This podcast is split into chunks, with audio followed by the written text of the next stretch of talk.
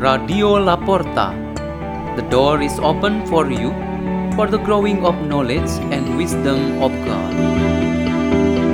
Delivered by Vesti Maria Faustin and Happy the Rosary from Catholic Religious High School St. John Paul II Seminary, Labuan Bajo, Indonesia.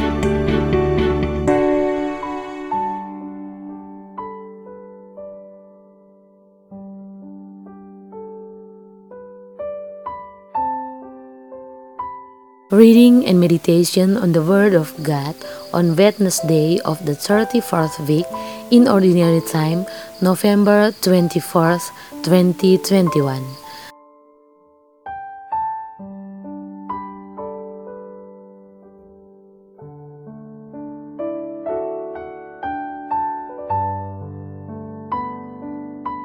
The reading is taken from the Holy Gospel according to Luke. Jesus said to the crowd, They will seize and persecute you. They will hand you over to synagogues and to prisons. And they will have you led before kings and governors because of my name. It will lead to your giving testimony. Remember, you are not to prepare your defense beforehand. For I myself shall give you a wisdom in speaking that all your adversaries will be powerless to resist or refute. You will even be handed over by parents, brothers, relatives, and friends, and they will put some of you to death. You will be hated by all because of my name, but not a hair on your head will be destroyed.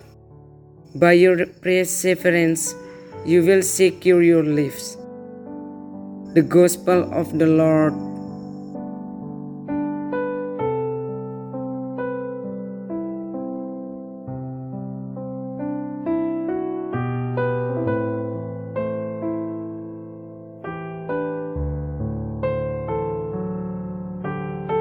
Our meditation today has the theme The Hand That Writes the Word of God. There is a section in the today's first reading from the book of Daniel that describes the king Belshazzar and his guests who were having a party looked very frightened when they were watching the word of God expressed so provocatively in a vision of a mysterious hand that was writing the word of God on the wall. Daniel 5 to 5 on. Then the king was very curious to know the meaning of the words on the wall. Therefore, he asked the Jewish young man Daniel. God has been writing various expressions of His word in this word through the hands of many of His messengers. In the past, there had been many hands writing the word of God on scrolls made of wooden skins, which were later updated into scriptures.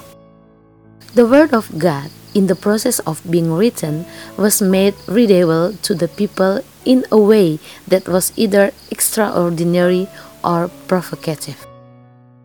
However, it has been accepted and practiced so wonderfully by some gifted human writers when they listened to the word very well and faithfully and then proclaimed it fruitfully.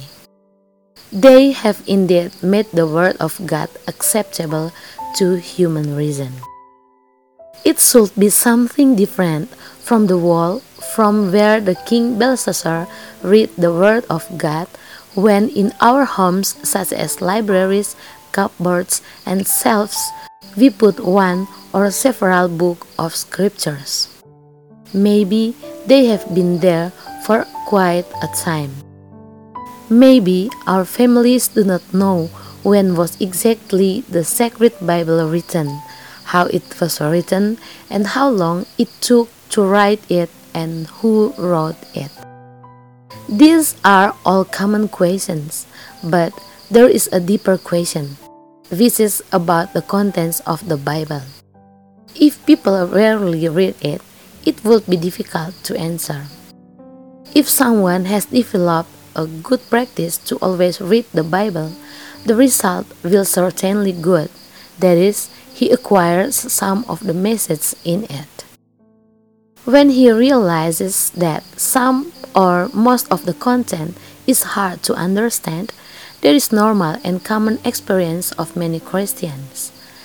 That's where curiosity comes from. But if someone never or does not like to read the Bible, he certainly has no curiosity. The king had given us an example, namely the need of curiosity and asking questions about the Word of God. The disciples and apostles of Jesus also always asked the Master Jesus Christ about many things that they didn't know. During this day, it has been coming to us their various questions on the end of times, and they got a firm and definite answer from Jesus.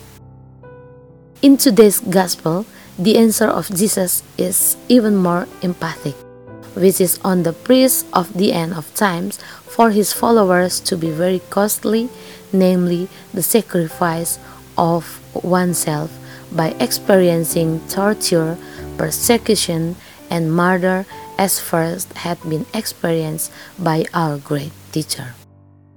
They wanted to know, they asked questions, and they got the real answers. We should not be afraid of all this, for so many martyrs have experienced the same, and we will have it also. Let's pray. In the name of the Father, and of the Son, and of the Holy Spirit. Amen. Almighty God, encourage us to always be curious about you, every word and will. Glory to the Father, and to the Son, and to the Holy Spirit, as it was in the beginning, is now, and ever shall be, world without end. Amen. In the name of the Father, and of the Son, and of the Holy Spirit. Amen. Radio La Porta. The door is open for you.